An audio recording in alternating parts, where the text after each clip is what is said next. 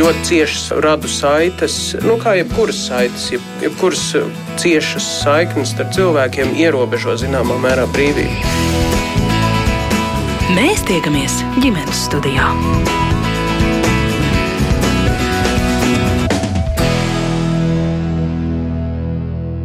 Labdien, redzējums ģimenes studijas sāk savu skanējumu. Mans vārds ir Agnēs Linka, šī redzējuma producente ir Sarmīta Kolāte. Pēc Nacionālā veselības dienesta datiem 2019. gadā Latvijā bija 2360 bērni ar autiskā spektra traucējumiem aizdomā, vai aizdomām par autismu. Gan ģimenes studijā, gan arī citos plašsaziņas līdzekļos mēs gadu gaitā bieži runājam un ir jau gana bieži izskanējušas ziņas par grūtībām, ar ko jāsaskaras ģimenēm, kurās aug bērni ar autiskā spektra traucējumiem. Protams, daudzkārt dzirdēts rindas pie speciālistiem ir garas, to arī speciālistu nepietiek, trūkst līdzekļu ārstēšanas un rehabilitācijas pakalpojumiem. Un arī ministru kabinetā apstiprinātajā psihiskās veselības aprūpas organizēšanas uzlabošanas plānā šim un nākamajiem diviem gadiem ir norādīts, ka bērniem ar autiskā spektra traucējumiem veselības aprūpas pakalpojumi nav pieejami sistemātiski un pieejamība ir ierobežota, nav arī tāda vienota redzējuma par agrīnās intervences pakalpojumu. Vēl eh, zinām to, ka Veselības ministrijas valsts apmaksātu veselības aprūpas pakalpojumu nodrošināšanu bērniem ar autiskā spektra traucējumiem 2022. gadā tika noteikti par prioritāru.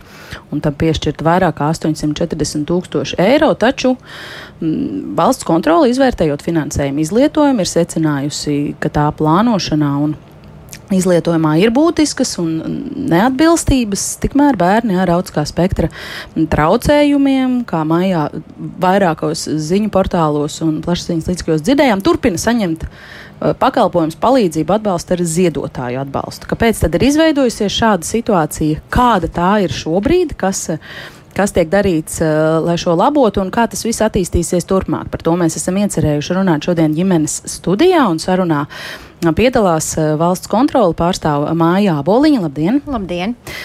Veselības ministrijas pārstāvētā, es atvainojos, es atvēršu plānu, vai arī jūs pasakat, kā jūs saucat? Rīma Beļikova. Jā, Rīma Beļikova pārstāva veselības ministriju, bērnu slimnīcas fonda vadītāja Liena Dābeņa šeit kopā ar mums. Labdien! Un arī atbalsta centra solis augšup, viena no dibinātājām un arī mama bērnam ar autiskā spektra traucējumiem Elīna Augustīnoviča. Sveika! Labdien! Sākšu, lūkšu sākt jā, ar veselības ministrijas, ne, bet valsts kontrolas izklāstu. Kas ir tas, ko jūs esat pārbaudījuši un ko jūs esat secinājuši revīzijā par tieši šo līdzekļu izlietojumu? Jā. Maijā valsts kontrole publiskoja ikgadējos tā saucamos finanšu revīziju ziņojumus, valsts kontrole, kuros valsts kontrole vērtē budžeta līdzekļu izlietojumu, atbilstību likumiem un arī liederības aspektus visos resoros. Un, uh, viens no tiem, protams, ir arī veselības ministrija. Un šajās tādās standarta gadu pārskatu pārbaudēs Mēs ikgadēji iekļaujam arī tādus jautājumus, kas ir ar tādu attīstības uh, raksturu konkrētajā gadā. Un uh, paskatāmies, vai tad izdodas sasniegt ar piešķirto finansējumu, kas ir tāds ārpus kārtas uh, piešķirts finansējums, tos mērķus, kurus pieprasot un saņemot šo finansējumu, uh, resursi ir plānojis sasniegt. Tā kā, ko izdarīt par to naudiņu? Uh, Un šajā gadā valsts kontrolas redzes lokā kā reizi iekrita jautājums par veselības aprūpas pakalpojumiem bērniem ar autiskā spektra traucējumiem, kas ir ilgstoši nerisināts jautājums. Publiskajā telpā mēs ļoti daudz dzirdam par šo jautājumu aktualitāti. Tam ir arī dažādas tālākas konsekvences bērnu dzīvē, jo darbs ar bērniem ir jāsāk ļoti agrīni, lai viņi varētu pilnvērtīgi iekļauties mācību iestādēs un, un socializēties savam vecumam atbilstošā vidē. Tādēļ tā, tā efektīvākā intervence ir tieši tajā agrajā vecumā. Nu, lūk, un piešķirtais finansējums tātad 22. gadā bija aptuveni 850 tūkstoši eiro, un mēs revīzijas noslēgumā diemžēl secinājām, ka 700 tūkstoši no šī finansējuma ir pārdalīti citiem veselības aprūpas pakalpojumiem, kas nav attiecināmi uz šo mērķa grupu. Tas revidentu ieskatā parāda to, ka finansējums nav izlietots atbilstoši mērķim, naudiņa nav sasniegusi mērķa grupu, viņa aizplūst citām vajadzībām, bet kas nav bijuši tie uzskatīts par tik prioritārām kā bērni ar autiskā spektra traucējumiem šajā gadā. Skatījāmies arī to, kas ir izdevies vispār Latvijā un iezīmējās divas problēmas, kā reģionālais pārklājums ir ļoti trūcīgs. Kopumā Rīgā bērni ir labākā situācijā. Un, ja mēs runājam par diagnostiku, kas būtu tā pirmreizējā pārbauda, lai saprastu, kāds atbalsts bērnam ir nepieciešams, tad uh, ir uh, šo atbalstu saņēmuši tikai 375 bērni, kas ir 47% no plānotā. Un, un savukārt tās uh, pastāvīgās uh, intervences, kas ir bērniem nepieciešamas un tiešām jau kritiski svarīgi, lai tās būtu nodrošināts tuvāk bērnu dzīves vietai, jo tas, tas ir ikdienas atbalsts tad eh, tādus ir saņēmuši tikai 30 bērni un tikai Rīgā. Nu, un, eh, tad tā kā finansējums ir plānots un, un, un ir paredzēts arī 23. un 4. gadā, tad ir ļoti būtiski, lai šajos gados, kad pakalpojums idejiski un metodiski ir izstrādāts un ieviests, lai šis uh, finansējums tiktu apgūts un lai nebūtu tā, ka naudiņa it kā ir norezervēta priekš šīm vajadzībām, bet turpinās finansēšana no ziedotāju līdzekļiem. Jā. Paldies par šo. Tad lūkšu Rīma jums stāstīt, kāds ir tas veselības ministrijas komentārs, situācijas redzējums vai varbūt skaidrojums. Paldies pirmkārt valsts kontrolē par viņu komentāru. Mēs veselības ministrijā pilnīgi izprot izteiktos, es teiktu, iebildumus, bet šeit ir jāatzīmē, ka sākot jau, manuprāt, ar 2019. gadu ir notikušas nu, būtiskas izmaiņas psihiskās veselības aprūpē kopumā, ņemot vērā, ka tika izstrādāti trīs plānošanas dokumenti kopā ar finansējumu, kas nāca līdzi. Bet arī atbildot uz valsts kontroles izteiktajiem komentāriem, kā jau jūs pieminējāt, šis ir absolūti jauns pakalpojums, un tā izstrādē bija nepieciešams laiks, un izstrādē, uh, lai izstrādātu šo agrīnās intervences programmu, un lai tā būtu kvalitatīva vienlīdz gan reģionos, gan Rīgā, lai tā atbilstu arī bērnu vajadzībām. Tika noslēgts metodiskais darba līgums, kas, kas arī bija atsevišķi finansējums ar Bērnu Kliniskās Universitātes slimnīcu. Uh, Un Bērnu Kliniskās Universitātes slimnīca izstrādāja vairāk nekā gada laikā šo pakalpojumu dizainu, jeb kādā veidā šim pakalpojumam ir jāizskatās, kādi speciālistiem ir jābūt, cik uh, terapijas intensitāte ir jābūt, kādi multiprofesionālās komandas locekļi ietilpst šajā pakalpojumā. Tad no 2022. gada septembra palaida šo pakalpojumu pakāpeniski. Uh, uh, ir svarīgi saprast to, ka psihiskās veselības aprūpes pakalpojumi atšķirās no mums ierastajiem veselības aprūpes pakalpojumiem, kā jau mēs pirms varbūt raidījuma runājām. Tas nav, ka mēs nopērkam noteiktu iekārtu un uzreiz pakalpojums aiziet un pieejamība uzlabojas. Psihiskajā veselībā galvenais uh, instruments ir cilvēka resurss. Un, apzinoties arī to, paralēli šim tika pagājušajā gadā apmācīti vairāk nekā 40 uh, ADOS testa speciālisti, kas pieejami arī šobrīd reģionos. Tā ir diagnostika. Ja? Tā ir diagnostika, un, manuprāt, ir desmit ārstniecības iestādēs šobrīd pa visu Latviju jau pieejami, pieejama šī diagnostika. Līdz ar to es domāju, šie teiksim, tā, izpildes rādītāji jau 23. gadā būtiski uzlabosies. Attiecībā atgriežoties pie agrīnās intervences programmas, tad uh, man ir jāsaka, ka jau uh, tikko saņemot to konceptu no Bērnu Kliniskās Universitātes slimnīcu tika atlis, at, izsludināta atlase pakalpojumu sniedzēja, un jau no 1. jūnija šis pakalpojums ir pieejams septiņās ārstniecības iestādēs. Ar šo informāciju pašlaik var iepazīties arī Veselības ministrijas mājaslapā un Facebook vietnē. Bet arī jau nākamnedēļ Nacionālais veselības dienests publicēs saprotamā veidā varbūt vecākiem tādu informācijas kompleksu, kāda veida pakalpojumi, kurā ārstniecības iestādē ir pieejami gan diagnostika, gan agrīnā intervence. Kaut kā tā. Jā, labi. Lūdzu, došu Lienai mhm. Dambiņai vārdu. Jūs, Lien, varētu izstāstīt, kā jūs to redzat eh, šo visu no sava ikdienas darba skatu punkta. Mm -hmm. Jā, nu, um, mēs to redzam tā, ka mēs saprotam, ka tas ir sarežģīts pakalpojums. Par to nav bijis šaubu no pirmās dienas. Mēs arī kā Bērnu slimnīcas fonds kopā ar nozares speciālistiem Latvijā 2021. gadā laikam sagatavojām plānu, kā šis pakalpojums varētu Latvijā tikt ieviests. Tur bija arī bērnu slimnīcas speciālisti, tur bija ārvalstu pieredze apkopot, labie piemēri arī Latvijā uz vietas, jo agrīnās intervences programmas Latvijā ir. Viņas jau darbojas gadiem ilgi. Es, es šeit redzu, ka tā, tas galvenākais, lielākais šķērslis, tā galvenā problēma ir bijusi tāda, ka, jā, vēsturiski Latvijā šiem bērniem ar autiskā spektra traucējumiem nav bijis pieejams valsts atbalsts. Tas ir fakts. Un tāpēc šī atbalsta sistēma, šie pakalpojumi ir veidojušies nevalstiskajā sektorā vai privātajā sektorā. Un, protams, ka pāriešana uz valsts pakalpojumu ir sarežģīta. Viņi prasa laiku. Jā. Tas, par ko es personīgi un kolēģi fondā pārdzīvojam, ir, ka mums ir milzīga rinda ar šiem bērniem, kuriem vajag palīdzību tagad. Un, uh, kamēr tā valsts sistēma veidojās, viņi pie šīs palīdzības netiek. Nu, tas bija pagājušā gada stāsts. Tagad es klausos veselības ministrijas stāstu. Es jau esmu cerīga ja, par to, Jā. kāda tad šogad varētu būt tā situācija. Bet, bet tas, tas, tas, tas mana pārliecība, ka bērns nedrīkst ciest tikai tāpēc, ka valsts nu, veidojas šī sistēma. Tas ir pareizi, ka tā sistēma veidojas un par kvalitātes kritērijiem nav. Tas ir ļoti svarīgs aspekts, ja, lai izveidotu valstī pamatīgu sistēmu šo bērnu atbalstam. Bet vienlaikus vajadzētu būt mehānismiem, kā tas tas bērns, vai es nezinu, kupona formātā, vai es nezinu. Ja? Droši vien valsts pārstāvji to labāk varētu zināt, kā viņš tiek pie tā pakalpojuma šodien.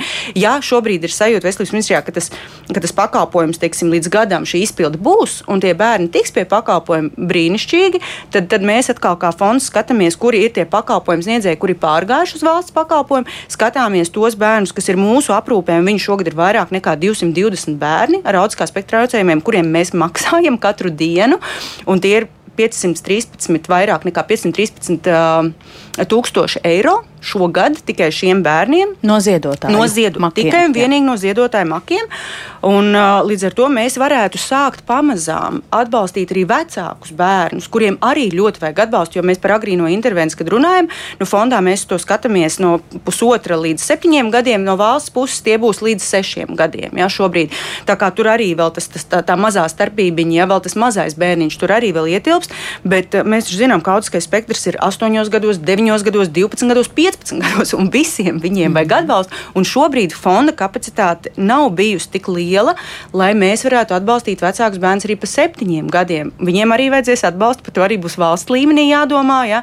Bet nu, tas pirmais solis bija tā agrīnā intervence. Un tas, tas mūsu lielā cerība ir, ka viņi patiešām varētu sākties. Un, ja mēs gūstam pārliecību, ka šogad tas budžets, kas ir šogad uh, ap, apstiprināts, viņš izpildās lieliski, jā. ja mēs redzam, ja viņš neizpildās, varbūt ir iespēja kaut kā domāt, kā tas bērns pie tās savas naudiņas tiek, lai viņš šogad arī to palīdzību varētu saņemt. Jo 70 bērni rindā. Nu, Tie ir dzīvi cilvēki, tās ir ģimenes, tas bērnam ir liels potenciāls, jo agrīnāk mēs uzsākam ar viņiem darbu, jo labāki rezultāti. Uh, ja kaut kur ir tam nauda, jā, tad tai naudai būtu jāsasniedz lūk, šis uh, dzīvais bērns, kas tur mm -hmm. ir. Mhm. Jā, jā, man gribējās arī Rīmas teiktajā klausoties Lienai pajautāt, cik ilgi tad, piemēram, bērnu slimnīcas fonds šo jauno pakalpojumu, ko uh, veselības ministrija plāno izstrādā un, un mēģina ieviest, jau finansē. Mēs finansējam jau piecus gadus, bet kopā arī ar nozares speciālistiem mēs esam viņu veidojuši arī ar to pašu bērnu slimnīcu, veidojot šo pakalpojumu grozu. Jo, protams, ka tās bērnu vajadzības ir ļoti daudzas un, un sarežģītas un ļoti dārgas. Jā, ja mēs skatāmies uz tādu programmu maksimālo, jā, jo šie bērni varētu saņemt daļu no viņiem terapiju nezinu, katru dienu. Jā. Neviens to nevar samaksāt. Un tāpēc mēs esam veidojuši to pakalpojumu grozu, kur šobrīd mēs skatāmies, ka tie ir aptuveni 3300 eiro bērnu gadā. Jā, nu, viņš katru nedēļu saņem tos rekomendētās terapijas, protams, ne maksimālā apmērā, bet tas, kas ir kopā ar autismu biedrību saskaņots, tas, kas ir bērnu slimnīcas speciālistiem saskaņots, ja, kas ir reāli. Tas jūsu grosis ir kaut kā dikti citādāks, atšķirīgs no tā, ko veselības ministrija šobrīd plāno un mēģina ieviest. Vai veselības ministrija te teiks? Ja? Atvain, papildināt uh, Lienas teikto, uh, ka mēs šobrīd runājam, manuprāt, uh, svarīgi pirms mēs par mm -hmm. šo runājam, ir svarīgi definēt divas lietas. Uh, Veselības ministrijas šī agrīnā intervences programma, mēs runājam par ārstniecību, kuru šobrīd vada bērnu psihiatrs. Bērnu psihiatrs nosaka terapijas intensitāti, man, manis jau minēto speciālistu loku un tā tālāk. Svarīgi atzīmēt, ka, ja mēs runājam par autiskā spektra traucējumiem, un šeit ir būtiski uzsvērt starp nozaru sadarbību, mēs nerunājam tikai par veselības sektoru, mēs runājam arī par izglītības sektoru un labklājības mm -hmm. sektoru. Un šeit mums ir bijusi darba grupa ar labklājības ministriju, kur bija skaidri arī secinājumi par to, ka, ja ja mēs runājam par Lienes, manuprāt, minēto abaterapiju, uh, jo, starp, jo kas ir daļa ir no agrīnās intervences šīs izstrādātās programmas, viņa arī, viņai vajadzētu turpināties uh, arī pēc ārstniecības programmas noslēgšanas, pēctecīgi, gan lai tie abi speciālisti būtu pieejami gan izglītības sektorā, gan lab, uh, labklājības ministrijas padotības. Tas, ko jūs sakāt, ka šis pieminētais NVO, kas ir lāpījis to, ko mēs kā valsts nesam līdz šim darījuši un izdarījuši, ka viņi nenodrošina ārstniecību. Tas mm. grozs, ko Liena raksturo. Bērnu slimnīcas fonds nav ārstniecības iestāde. Mēs šobrīd runājam, ja mēs runājam par valsts kontroli. Nē, nē, mēs ne par iestādēm, par pakalpojumiem. Nē, nē, nē es par jā. pakalpojumu, par ko arī minēja valsts kontrole. Mēs runājam par agrīnās intervences programmu, kas ir ārstniecība. Mēs runājam par ārstniecības to pusi. Un ārstniecības pusē ir sadaļa gan aba terapija, gan Denvera koncepts, gan KBT. Tur ir ļoti daudz terapijas, kas tiek piemeklētas atbilstoši bērna vajadzībām. To, ko nodrošina bērnu slimnīcas fonds, protams, tas pārklājās, jo psihiskā veselībā arvien vairāk un vairāk nāk atbalsta personāls. Bet mēs nevaram tikai skatīties uz veselības pusi. Tas ir tāds, kā jau es minēju, starpnozaru jautājums. Protams, protams. Bet, jā. mums ir bijis tā agrīnā intervence. Tu, tur gan ir atšķirība, jā, starp, jo tāpat katrs bērns, kurš saņem bērnu slimnīcas fondā atbalstu, viņam ir šī ārsta rekomendācija. Un tas ir attiecās arī uz psihiskās veselības aprūpas pakalpojumiem. Tu, turklāt, to starp agrīno intervenciju tur vienmēr ir psihiatra atzinums, ka tas ir rekomendējums un vajadzīgs. Bet tur patiešām ir šīs divas citas sadaļas. Ir tā agrīnās intervences programma, jā, jo mūsu gadījumā arī mēs maksājam dažādiem speciālistiem, kurš strādā komandā ar bērnu. Un tad ir vienkārši, sauksim par uzturošo terapiju. Jā, to, un tur ir gan atšķirība. Jā, mhm. tur tā agrīnā intervence ir ļoti specifiska intervence tieši patiešām ļoti um, maza vecuma bērniem, bet tur būs ļoti svarīga tā pēctecība saistībā ar uzturošo terapiju, jo ja viņi neuztur to rezultātu, tad tas rezultāts mm -hmm. ir ar lielu varbūtību, uh, teiksim, jā, jā. mazinās vai pazūd. Nu, Elīna ir ļoti pacietīgi klausījusies, jā. kamēr visi ieskrienās un, un, un izstāstīja ievadu. Gribu arī Elīnai dot uh, vārdu un lūgt izstāstīt, kā viņa kā mamma uh, un arī kā atbalsta centra, daudzfunkcionāla atbalsta centra solis augšup vadītāji arī redz šo situāciju. Jā, nu, es neesmu vadītāja, bet uh, viena no, dibinātājām, jā, jā, jā es atvainojos. Vairāki. Uh, nu, ir tā, man te sēžot, ir tāda sajūta, ka mēs esam principā katrs drusciņi no savas planētas. Un, uh, un es negribu nevienam pārmest, jo tā autiskā spektra uh, lieta ir ļoti sarežģīts process, un uh, man pašai tas ir paprasījis 12 gadus, lai tajā visā iedziļinātos un, un saprastu, kā labāk un kas ir vajadzīgs tieši bērnam ar autismu. Tā es varbūt atgādināšu, ka uh, lielākoties, vai es nezinu, 80% bērnu ar autismu ir vajadzīga nemedikamentoza terapija. Jā, līdz ar to es uzskatu, ka tā nav ārstniecība. Es esmu to paudusi viedokli arī 2021. gada darba mm. grupā, kur piedalījās gan izglītības un veselības ministrija un labklājības ministrija. Un, un, un, Līdz ar to mēs nevalstiskajā sektorā, jā, mēs esam vecāku un speciālistu dibināta organizācija, biedrība, un mēs jau piecus gadus piedāvājam šādas agrīnās intervences programmas, esam spējuši būt elastīgi, izstrādāt finansējuma modeli, jā, saprast, kā sadarbībā ar bērnu slimnīcas fondu, sociālo dienestu, nezinu, Rīgas domas labklājības departamentu, citiem ziedotājiem, ziedotājiem piesaistīt šo finansējumu kas no valsts mums nenāk. Jā, esam paši izveidojuši centru, apmācījuši speciālistus, terapeitus. Strādājam komandā, mums ir puse mūsu kolēģu ir reģistrēti ārstniecības personu sarakstā, jo mūsu kolēģi ir, ab, ir gan ergoterapeits, gan deju kustību terapeits, audio logopēds, masieris, fizioterapeits, kas visi ir medicīnas personas. Bet šis abā terapeits vai uzvedības analītiķis, nu, viņš tādā melnajā sektorā ir palicis Kopš, pelēkajā zonā. Jā, pelēkajā jā. zonā. Mm. Viņš nav reģistrēts nekur, līdzīgi kā psihologs. Mm. Jā, psihologi ir reģistrēti. Psihologu reģistrēta varbūt ir jāievieš arī abu terapeitu. Un līdz ar to mēs būtu arī ar prieku piedalījušies šajā naudas apguves procesā, jo mums ir visu laiku jāizmanto. Nu, mums katru dienu Jūs arī varat ar sakot, to, ar ziedotāju naudu. Jā, jo pie mums atnāk bērns, un pirmais ir tā, nu kā viņam mēs redzam, jā, viņam vajadzīga terapija, trīs reizes nedēļā aba terapeits, reizes nedēļā audio lekopēc, nu kā šo sekt. Ja, ir, ja tas ir bērns deklarēts Rīgā, tad mums ir dažas programmas, ko finansē Rīgas sociālais dienests. Ja tas ir kādās pierīgas reģionā, kur ir DI nauda, tad mēs sazinamies ar to sociālo dienestu, jā, kopīgi ar vecākiem organizējam. Jā, ja tie ir Rīgas bērni, kas neatbilst nekam, nu, vai teikt, vai viņam nav tur diagnozes, vai viņš vēl diagnostikas procesā, tad mēs kopā ar vecākiem griežamies bērnu slimnīcas fondā, ziedot LV, tur, es nezinu, zaļā lampa un cik vēl visādi iespējamie fondi. Nu jā, un uh, katrā gadījumā mums šīs programmas ir, mēs viņas uh, realizējam, bet atšķirība ir tāda, ka mūsu komandā nav psihiatra, mm. jo, nu, kā teikt, uh, ir jāsaprot tas, ka tā, ka bērns, nu, vecāks ģimenē saprot, ka bērnam ir kaut kāda attīstības aizture, jā, tie ceļi, nu, mums nav tādas vienotas vadlīnijas, ko vecākam darīt. Uh, Jā, un tad lieliski, ka mums ir kolosāla platforma Facebook Autisms LV. Jā, tad vecāki kā pašpalīdzības grupa viens otram iesaka, nu, ko tad tagad darīt, jā, un mm. katrs tur pats atrod to savu ceļu. Un, un arī, kad vecāki man zvana, es viņiem vienmēr saku, rakstieties pie psihiatra, paralēli stāviet rindā, jo tā, tā arī viena no tēmām - psihiatrs pirmās pieejamības ārsts, uz kuru jāgaida rindā viens gads. Mm -hmm. Jā, nu, Jā, nu, man, tas, jā. ko es arī klausos, ko Elīna stāsta, es domāju, ka tas būtu ļoti vērtīgi arī citiem tiem pakalpojumu sniedzējiem, lūk, kas ir privāti, jā. nevalstiskā sektorā strādājuši daudzus gadus, kuriem ir pieredze un zināšanas, bet kuri nav ārstniecības jā, iestādes, jo viņi pat nezina, kas ir ārstniecības iestāde. Jo mēs nebūsim nekad. Mēs, mēs šo definējam kā sociālu pakalpojumu, jo šeit tajā autismu gadījumā agrī viss tas pirmais diagnostika, diagnozes uzlikšana, tā ir medicīna. Piekrītu, to mm. dara bērnu slimnīca vai kādi medicīnas centri, bet tālāk kad bērns jau ir ticis pie tās diagnozes, nu, tur, ir, tur ir tikai intervence, jā, kas ir iejaukšanās, un tad tās metodas, vai tā ir uzvedības terapijā balstīta, vai uh, valodas komunikācijas audio logopēdija, vai tas ir kādi sensorie, visi tie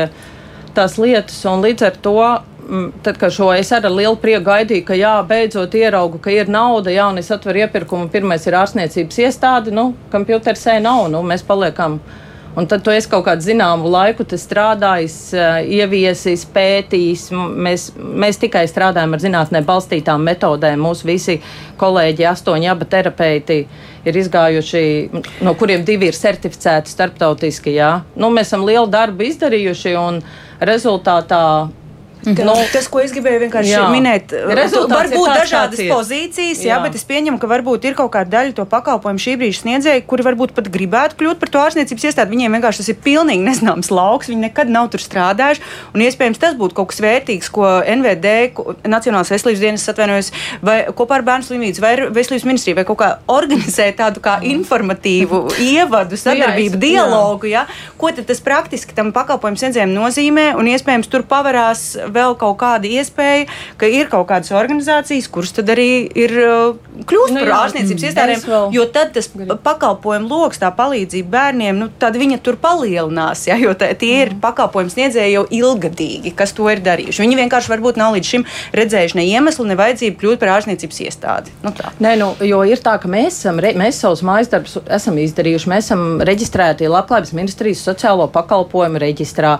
Jā, mēs piedāvājam šos, šās pašas intervences, un, uh, un uh, mums ir pakalpojumu tehniskā specifikācija, visi, jā, un, un nu, es, nu, mēs nekad nekļūsim par ārstniecības iestādi, jo ārstniecības iestāde.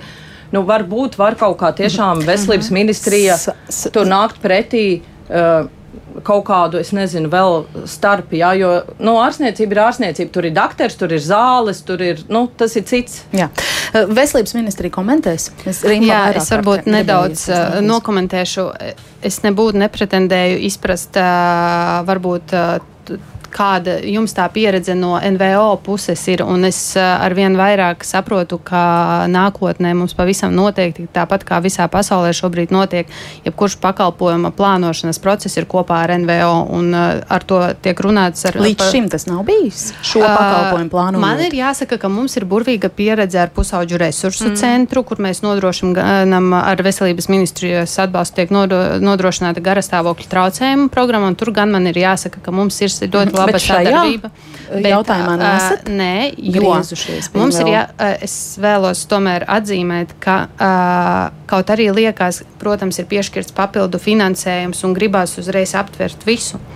Bet uh, šīs agrīnās intervences mērķi auditorija ir tieši tā mazi bērniņi, kuriem tikko ir uzstādīta diagnostika un kuriem ir nepieciešama agrīnā intervence, ko pēc tam pēctecīgi to rezultātu nostiprināt. Te neiet runa par to, ka tas, šī agrīnās intervences programma būs kā, katru gadu pieejama vienam un tam pašam bērnam. Tas ir tāds uh, liels uh, intervences tāds, uh, pasākums, intensīvs, kura rezultātā pēc tam uh, bērniņš var saņemt uh, nu, multiprofesionālās rehabilitācijas uh, pakalpojumus jau Uh, psihiskās, uh, te, nu, tā kā standarta uh, mm -hmm. multiprofesionālās rehabilitācijas pakalpojums.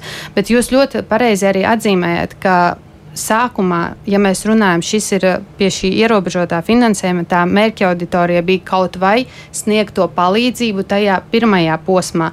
Protams, nākotnē mums gan ir tajā jūsu pieminētajā plānā paredzēts gan runāt par pārēju no 18 gadiem uz pieaugušā profila ārstniecības. Jā, nu tas ir vēl cits atsevišķs temats, protams, jā, tik daudz, cik plaši mēs nepaspēsim izrunāt šodien. Jā. Nav tikai uh, uzreiz mēs nevaram ņemt no 0 līdz 17 gadiem. Mm. Un jūs arī pieminējāt arī arī par sociālo jomu. Mm. Protams, šeit ir nepieciešama atkal starp sektoriālā sadarbība gan ar labklājības ministriju, gan ar veselības Vai ministriju. es pareizi saprotu, ka tā problēma ir, ka to naudu būtu vajadzējis dalīt starp veselības un sociālu pakalpojumu, Nē, kas būtībā ir kaut kas no vidu un piedeva veselības ministrijai? Domāju, ka tur vienkārši to Bet naudu vajag naudu vairāk. Pieteikties. Un tas, ko es redzu un ko mēs esam runājuši ar labklājības ministriju un kur mums ir bijušas vairākas tikšanās un ko es patiešām redzu kā labklājības ministrijas arī uh, kompetenci, jā, tātad pēc piedarības tas būtu labklājības ministrijai, ir šis klientu lietu vadītājs. Jo šiem bērniem ir ļoti specifiskas gan veselības, gan izglītības, gan sociālās vajadzības. Ja? Un pat ja tas vecāks saņem diagnostiku un viņš saņem agrīno intervenciju, viņam ir jādzīvot tālāk. Ja? Tam bērnam iet bērnās un vēl kaut kur. Un tad tas klientu lietu vadītājs, kāds Latvijā nav un no kā iegūt ne tikai bērnu ar autiskā spektra traucējumiem, bet bērnu ar kustību traucējumiem, nepilngadīgas grūtniecības, ir virkne ja? bērnu, kuri no tā iegūtu, ka būtu kāds cilvēks, ja? kurš viņam palīdz un ģimenei orientēties visos Latvijas iespējamos pakalpojumos un palīdzības sistēmās, ne tikai Rīgā, bet arī, protams, reģionāli. Mhm. Māja, jūs ilgāk laika esat eh, klausījusies, vai ir vēl kaut kas piebilstams eh, tieši Rīmas teiktajam veselības ministrijas pozīcijai? Nē, nu, viss jau ir pareizi, kā viņi stāsta, kā tas notiek, bet tā kopumā klausoties, es gribētu teikt no valsts kontrols, kas ir tā konservatīvākā iestāde valstī, ka nu, mēs pazūdam tajā kā pareizi izdarīt. Citreiz mēs pazaudējam to bērnu un viņu vajadzības. Un, un, Kas kopumā, tad šeit tika nepareizi izdarīts? Ne, nu, no tā ir nu, tas, redzes... tas formālais šķērslis, tagad ir tā ārstniecības iestāde un, un, un veselības ministrijas budžets, bet kopumā kaut kāds skats pēc būtības, ir, jo kur tā nauda palika? Viņa tika pārdalīta veselības resorā citiem veselības aprūpas pakalpojumiem. Citu, kam? Vai nu tur nu, nekas tāds, ārka, jo vajadzības, jau tās visas ir vajadzības, vai tie ir medikamenti, vai tie ir vieni vai citi veselības aprūpas pakalpojumi, bet tā sanāk, ka uz šo bērnu un viņu vajadzību rēķina veselības resursu budžeta plānošanas posmā izcīna šo finansējumu, un vēlāk viņš aiziet nu, kaut kam citam. Nu, tas viss ir vajadzīgs, bet kaut kam citam un šim nē. Bet tai elastībai domāšanā nu, ir jābūt. Ja tā ir problēma starp veselības resoru un citām budžeta pozīcijām, tad meklē tos risinājumus, jo, ja pakalpojums ir un viņš ir pēc būtības, tad tam ir jāseko līdzi gada laikā. Un tas, ka šo birokrātisko pusi uh, gada laikā neizdosies sakārtot tik tālu, lai 22. gadā varētu tie, uh, sniegt tikpat daudz pakalpojumu kā 23. vai 4. kad tā sagatavošanās posms būs beidzies, tas bija zināms.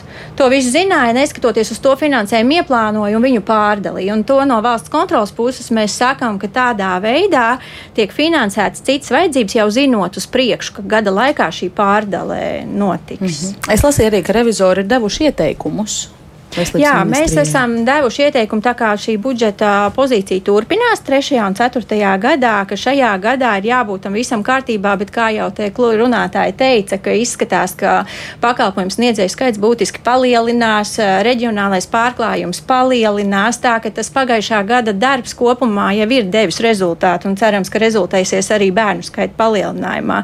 Vēl kas ir ļoti būtiski, kam es piekrītu pilnībā, ir par to, ka uh, tas nu, tā programma nenotiek tā intensīvi, mēs to bērnu nesalabojam, ka tās turpināsies visur, kur tas bērns iet, jo kopumā tās agrīnās intervences mērķis ir viņu socializēt, dabūt starp tiem saviem vienaudžiem pirmsskolā, skolā, kur mums katastrofāli trūkst atbalsta speciālistu, mums pietrūkst šo gadījumu vadītāju visās jomās, vai, jo autiskā spektra traucējumi tā ir viena šaura mērķa grupa, bet, ja mēs runājam par bērniem ar dažādām mācību vajadzībām, speciālās izglītības kontekstā, iekļaujošas izglītības kontekstā, uzvedības problēmu kontekstā, šīs vajadzības un problēmas un veidi, kā to risināt saistībā ar starpinstitucionālo sadarbību, ir vieni un tie paši.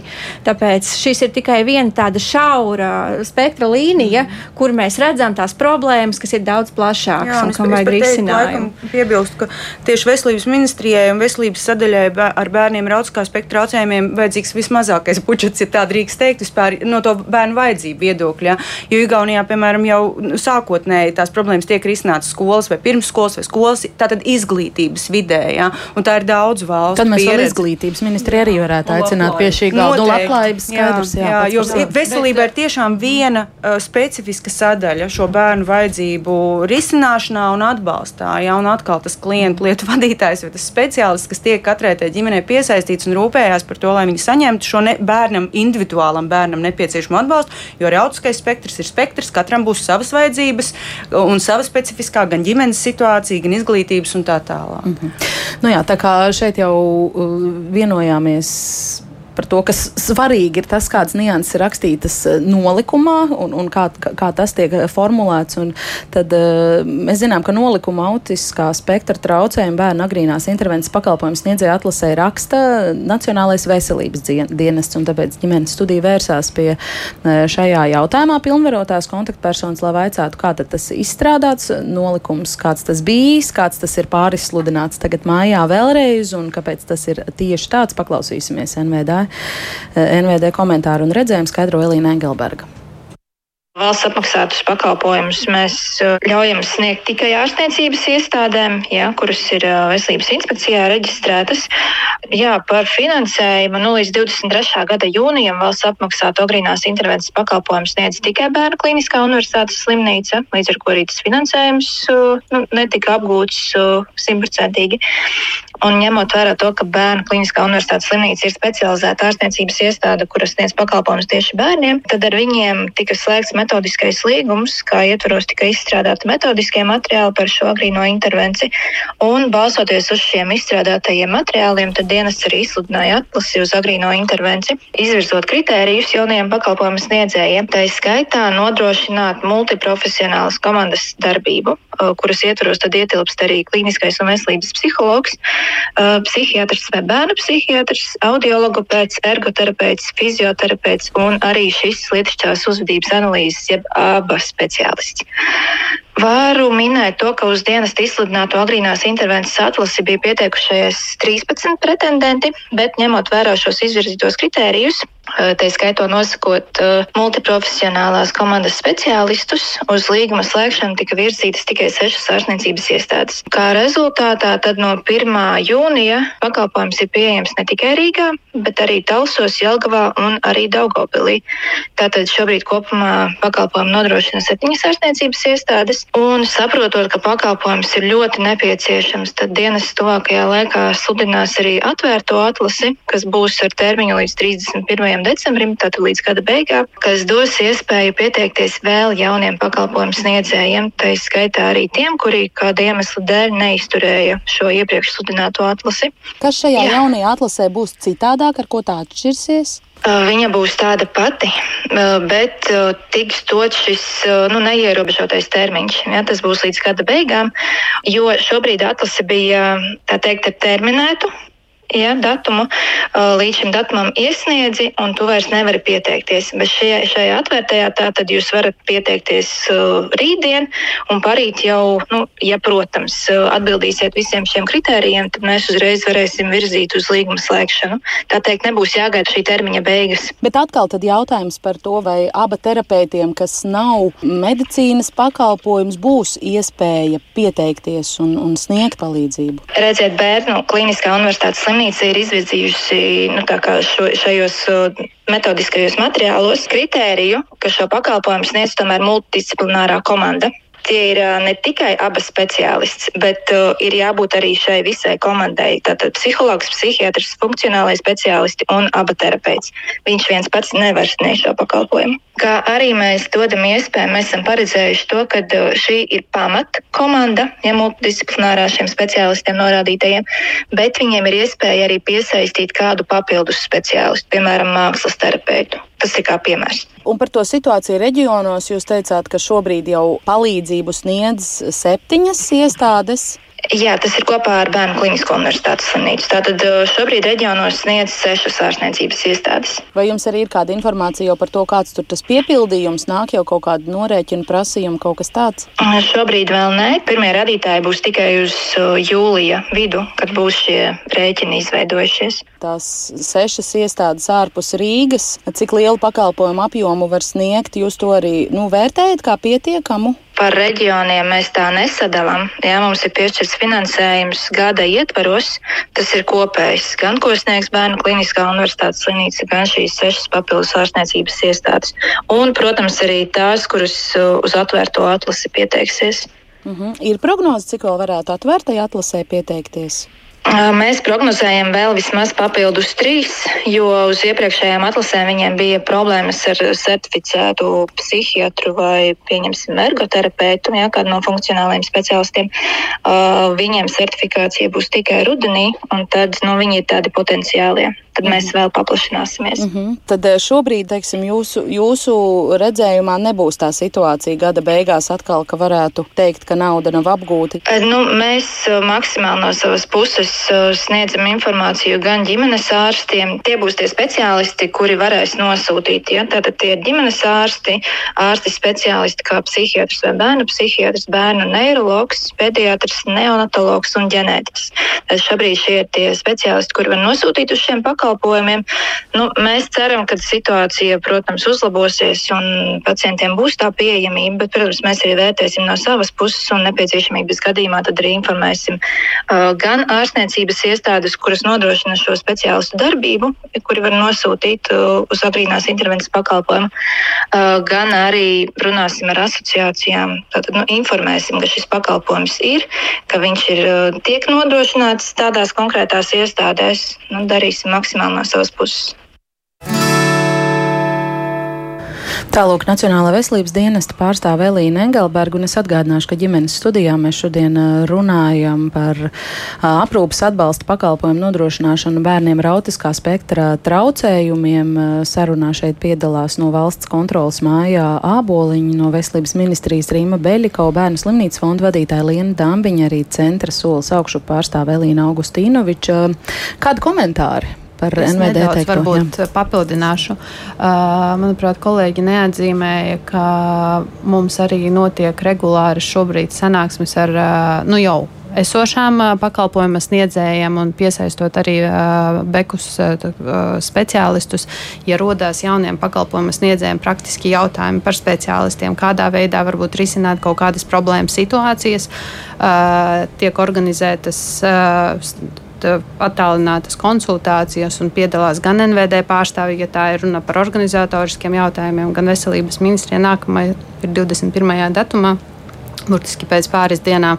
Un visām ārstniecības iestādēm ir iespēja dalīties savā pieredzē un varbūt uh, gūt tos labākos risinājumus. Mm -hmm. nu, jā, es vēl pieprecizēšu, ka pēc tam es saņēmu ziņu arī, ka tās uh, trīs iestādes, kas vēl varētu pieteikties un sākt uzsākt pakalpojumu sniegšanu, ir piejūras slimnīca Liepāja, aizkrauklas slimnīca un bērnu psihoneiroloģiskā slimnīca Ainaži. Elīna, ar kādām uh, pārdomām uzklausāt?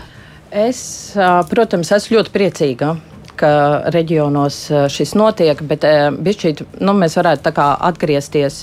Paldies, protams, valsts kontrolē, kas ir kā bubulis laikam visām institūcijām, jo varbūt es kaut ko nepreiz sapratu, bet tā situācija jau principā bija tāda, ka veselības ministrija pieprasīja naudu.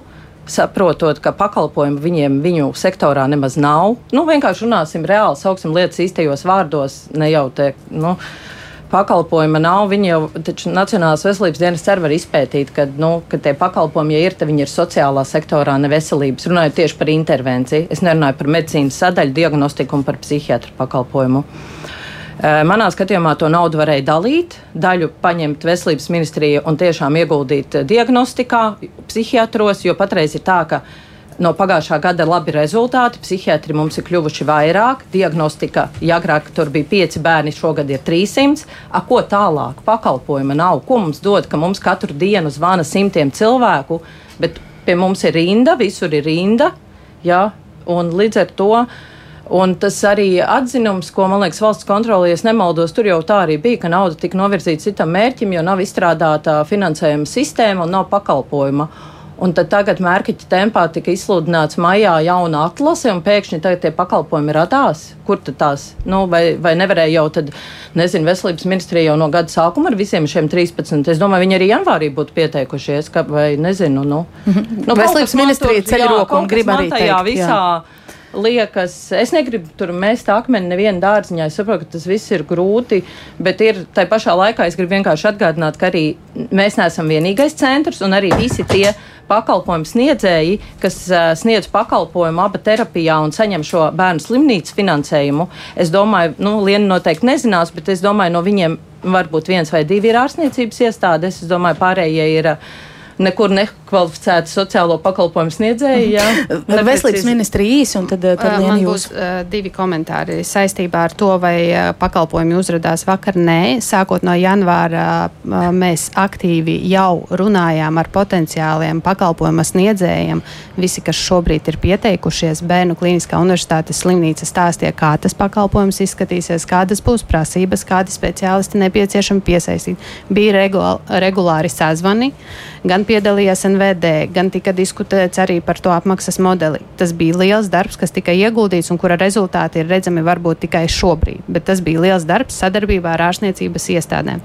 Runājot par finansējumu, kas tika pieprasīta un viņu pārdalot, šeit ir svarīgi atzīmēt tomēr, ja mēs plānojam tā ir izšķiršanās. Vai mēs plānojam finansējumu pēc vajadzības, mēs aprēķinām, cik mums šādi bērniņi ir, vai mēs plānojam uz 10-15% iedzīvotāju, uh, nu, potenciāli pakalpojumu saņēmēju. Bet tad situācija radīsies tāda ka, ja mēs plānosim uz tiem 10-15%, mēs vienā brīdī sapratīsim, ka šis finansējums tika piešķirts, bet uh, pakalpojums ir labs un viņš ir nepieciešams bērnam, bet mums vairs nav finansējuma. Tad katru gadu mēs iesim ar pieprasījumu. Kas notiek šobrīd? Psihiskās veselības aprūpes plānam finansējums ir nulle.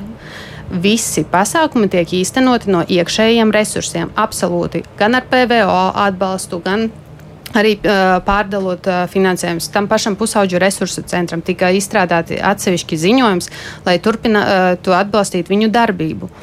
Un, uh, ja, un tad līdz ar to mēs varam secināt, ka uh, saprotam, ka nākamajos gados tiem uh, lielākajai daļai netiktu piešķirts tas finansējums. Bet šoreiz tā izšķiršanās bija tāda, ka šis pakalpojums mēs gribējām viņu nodrošināt visiem, kam tas ir nepieciešams. Tāpēc tas finansējums tika plānots pēc vajadzības, pēc bērniem, kuriem būtu viņš nepieciešams. Jā. Es jau nomaldījos jūsos klausoties arī Nē, visos tajos līkločos, bet jā. varbūt vienkārši kāds var, kāds var man viest skaidrību. Kā tad to pakalpojuma pieejamību ietekmē tās, ka bērniem ar autiskā spektra traucējumiem to pēc NVD teiktā var sniegt tikai multidisciplināra komanda. Savukārt autisma vecāki visi saka, dodiet mums abi terapijas.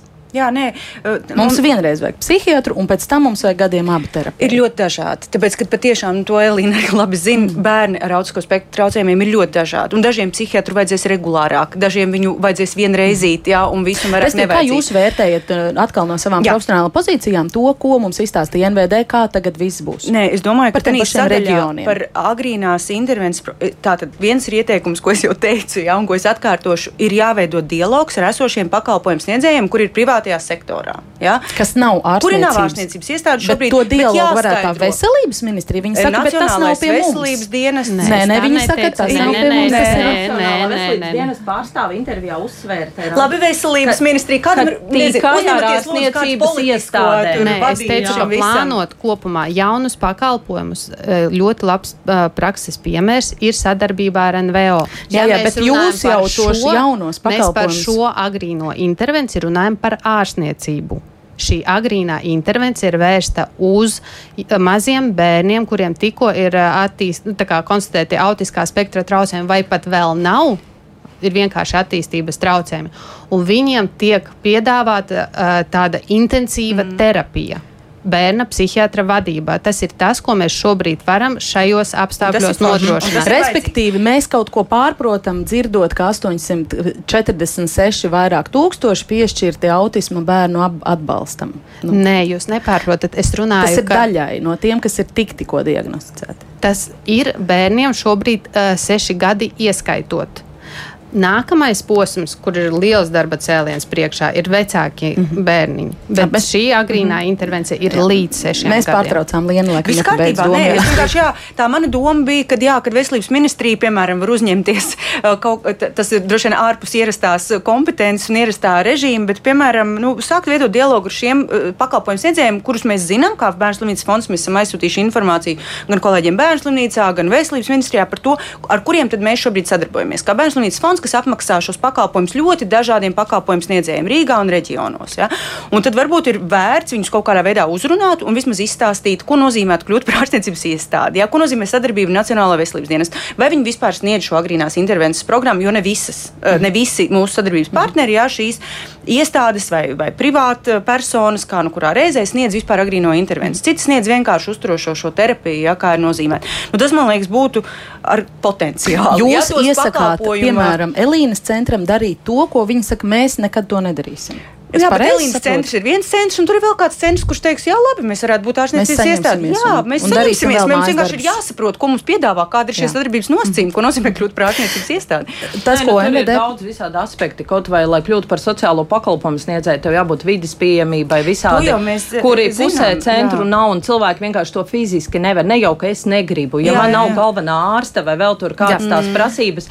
Nu, es varu iesniegt dokumentus veselības ministrijai, visdrīzāk viņi mums viņus atmetīs atpakaļ atpakaļ. Ja? Mm. Bet uh, tagad jūs piekrītat, jo mums arī psihiatrs, tāpēc, jo, jo es arī par to psihiatru tur domas dalās. Protams, ja, ja cilvēks uh, dzīvo, nezinu, Daugopilī un viņam pirmais, uh, pirmās aizdomas dod Dievs, ka viņš tiešām tiek tajā pie psihiatra tajā iestādē, kur ir tas līgums uz agrīno intervenciju, jo pretējā gadījumā viņš aizies pie cita psihiatra, tad tas psihiatrs viņu aizsūtīs uz to centru, tad viņu vēlreiz apskatīs psihiatrs. Manā gadījumā nu, uzskatā liekas, ka tur arī nedaudz atkal dublējās kaut kāda līdzekļu. Nu, Mm -hmm. jo, jo, ja cilvēks atnāk ar ģimenes ārstu nosūtījumu, ja, vai kādus vēl jūs tur minējāt, jā, jā, ar to jau mums arī pietiek. Jo ir jāsaprot, ka katrs funkcionālais speciālists pats izvērtē ar savu instrumentu. Aba terapeitam tas ir VBMAPS, kur izvērtē sociālās komunikācijas spēlēšanās, Bet... audiologopēds izvērtē ar savu, ergoterapeits ar savu, ja, jo psihiatrs atkal Vācu nu, jā, mums šī niansēm tā kā drusku, jā, drusku sāk trūkt laika. Jā, nu, tas, ko es gribu, ir tas veselības pakalpojums, bet tur mēs jau runātu par to sociālās un labklājības un, un izglītības pakalpojumu, kur patiešām jā, ir speciālisti, kur strādā uz konkrētām bērnu vajadzībām, un tā vairs nav tā agrīnās intervences programma. Tas jau ir tas pamata pakalpojums, teiksim, nu, kas tam bērnam, jo patiešām mēs to redzam, tiem bērniem tas pakalpojums ir vajadzīgs, ir regulāri, ilgstoši, un šobrīd par to neviens nerunā. Jā, un, ja godīgi, es man, Nē, man nu, šķiet, ka es sadzirdu un zinu, ka kārtībā. tomēr Rīgas bērniem ir drusku ir. Uh, labāk galvaspilsētā pakalpojums ir pieejamāks. Tas ir tas, ko es uh, Jā. pa laikam dzirdu, bet uh, NVD pārstāv arī pieminēja, un šeit arī mēs minam reģionos, tātad tā pieejamība šobrīd uzlabojās. Tika pieminētas sešas iestādes, kas jau no 1. jūnija, tātad jau 19 dienas sniedz uh, pakalpojumu, un rudenī iespējams, ka certificēsies un būs vēl trīs vietas, vai šis ir vērtējams kā tāds radikāls pavērsiens virziens, ka tagad eh, šī pakalpojums autisma bērniem kļūst pieejamāks kā jau kādā agrāk. Vai es Jā. pareizi saprotu? Nu, noteikti. Protams, no, tā, beidzot ir kaut kāds valsts apmaksāts pakalpojums. Pie, not, jā, jā. Pie noteikumi, ja tie līgumi ir noslēgti un tiešām tā darbība notiek. Nu, to mēs jā. droši vien redzēsim, nu, jā. kad nāks. Nē, jā, šobrīd būs redzami pirmie saka, rezultāti. Jā, nu, jā. No un, un, un, protams, ka tas ir. Tāpēc droši vien ir. Jā. Bet arī jautājums, ja tas ir 23. gada budžets, kāpēc no 1. jūnija? Kāpēc? Kurš Tāpēc, ka Bērnu Kliniskās Universitātes slimnīca prasības un ko, uh, pakalpojuma dizainu ieslē, uh, iesniedza 2023. gada februārī. Bet uh, pirmie pacienti jau tika uzņemti 2022. gada septembrī. Mhm. Māja, Jā, es kontroli. gribēju piebilst par to informācijas pieejamību bērniem, viņu ģimenēm, kurām ir tie bērni ar autiskā spektra traucējumiem. Tas, ko mēs pārbaudījām un redzējām pagājušajā gadā, ka vispār nav atrodama informācija par to, kāda ir rinda vai kur viņu meklēt attiecībā uz šiem intervences pakalpojumiem. Šai informācijai ir jābūt ļoti viegli, ērti atrodamai. Tas ir pats minimums, jo mums nav šie gadījumu vadītāji, gadījumu vadītāji. Mums ir vecāki, mm. kuri ir noteikti apjukuši ar to savu pusotru, divu gadu veco bērnu, kuram ir kaut kādas tādas lietas. Līdz ar to tā informācijai ir jābūt ļoti cilvēkiem saprotamā valodā par rindām, pakalpojumiem un to ceļu, kādā pie šiem pakalpojumiem nokļūt. Jā, liels paldies, Māja, jo tas ir tas, par ko mēs saskaramies regulāri tieši ar to informācijas trūkumu un apjukumu. Un kopumā jau, ja veidojas tā valsts sistēma, tad tur vajadzētu komplektā nākt arī šī pārskatāmā informācija. Un tas būtu droši vien svarīgi jau no pirmās dienas. Tad lūk, šo informāciju viņi jau tā tad ir veselības ministri, bet noteikti viņu tad vajag plašāk darīt zinām, jo es arī nezināju, ja, ka mums ir līgumi un, un, un kaut kas jau notiek šajā ziņā. Bet jā, nu, tā iesākumam tas ir tas kaut kas ir šobrīd, jā, jo tik, tikko vēl nebija nekā.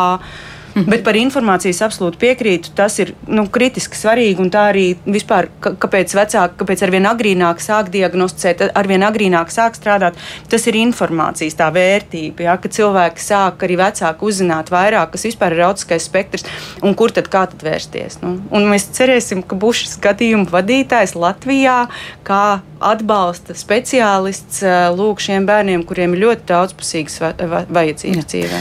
Diemžēl mūsu sarunai atvēlētais laiks ir beidzies, bet pirms likt daudz punktu es nolasīšu Aivara rakstīto. Viņš atsūtīja vēl krietni raidījuma sākumā savu komentāru. Viņš raksta, ka viņš ir autiska zēna, 11 gadus veca autiska zēna tētis, un viņš nespēja pieņemt optimismu raidījuma dalībnieku stāstos. Lūdzu, salieciet kalendārā minētos datumus un lūdziet atbildēt, vai tiešām visiem Eh, šķiet, ka tas, kā lietas notiek, ir normāli. Mans dēls, dēls ātrāk sasniegs pilngadību, nevis sagaidīs reālu palīdzību. Ar kādām tiesībām ministrija novirza autismu bērniem paredzēto finansējumu citur? Latvijā autiskiem bērniem ir bēdu leja, bet ierēģiem šķiet, ka viss ir jauki. Tāds eh, ļoti kritisks komentārs no kāda tēta. Ļoti ar saprotams. To, jā. diemžēl, mums šodien arī ir jānoslēdz. Es eh, ceru turpināt tematu ģimenes studijā. Šodien paldies par dalību sarunā saku veselības kontrolas pārstāvēji Mājai Jāboliņai, veselības ministrijas eh, pārstāvēji Rīmai Beļikovai, arī bērnu slimnīcas fonda vadītājai Lienai Dambiņai un Elīnai Augustīnovičai no centra solis augšup. Savulaik vasara bija mazbērnu un vecvecāku kopīgs laiks, eh, kā mainās bērnu un vecvecāku attiecības, mainoties tam, kā mēs dzīvojam mūsdienās, kādas ir paudžu kopā būšanas tradīcijas agrāk. Un eh, šodien par to mēs runāsim rīt ģimenes studijā. Klausieties un piedalieties, kā vienmēr, 5 pār 2. Šodien raidījumu veidojas Armīta Kolāta, pie skaņa pults bija Katrīna Bramberga, pie mikrofona es Agnes Linka. Paldies, ja klausījāties un tiekamies ar ģimenes eh, studiju arī podkāstu epizodēs mūsu mobilajā lietotnē un sociālos tīklos uz sadzirdēšanos.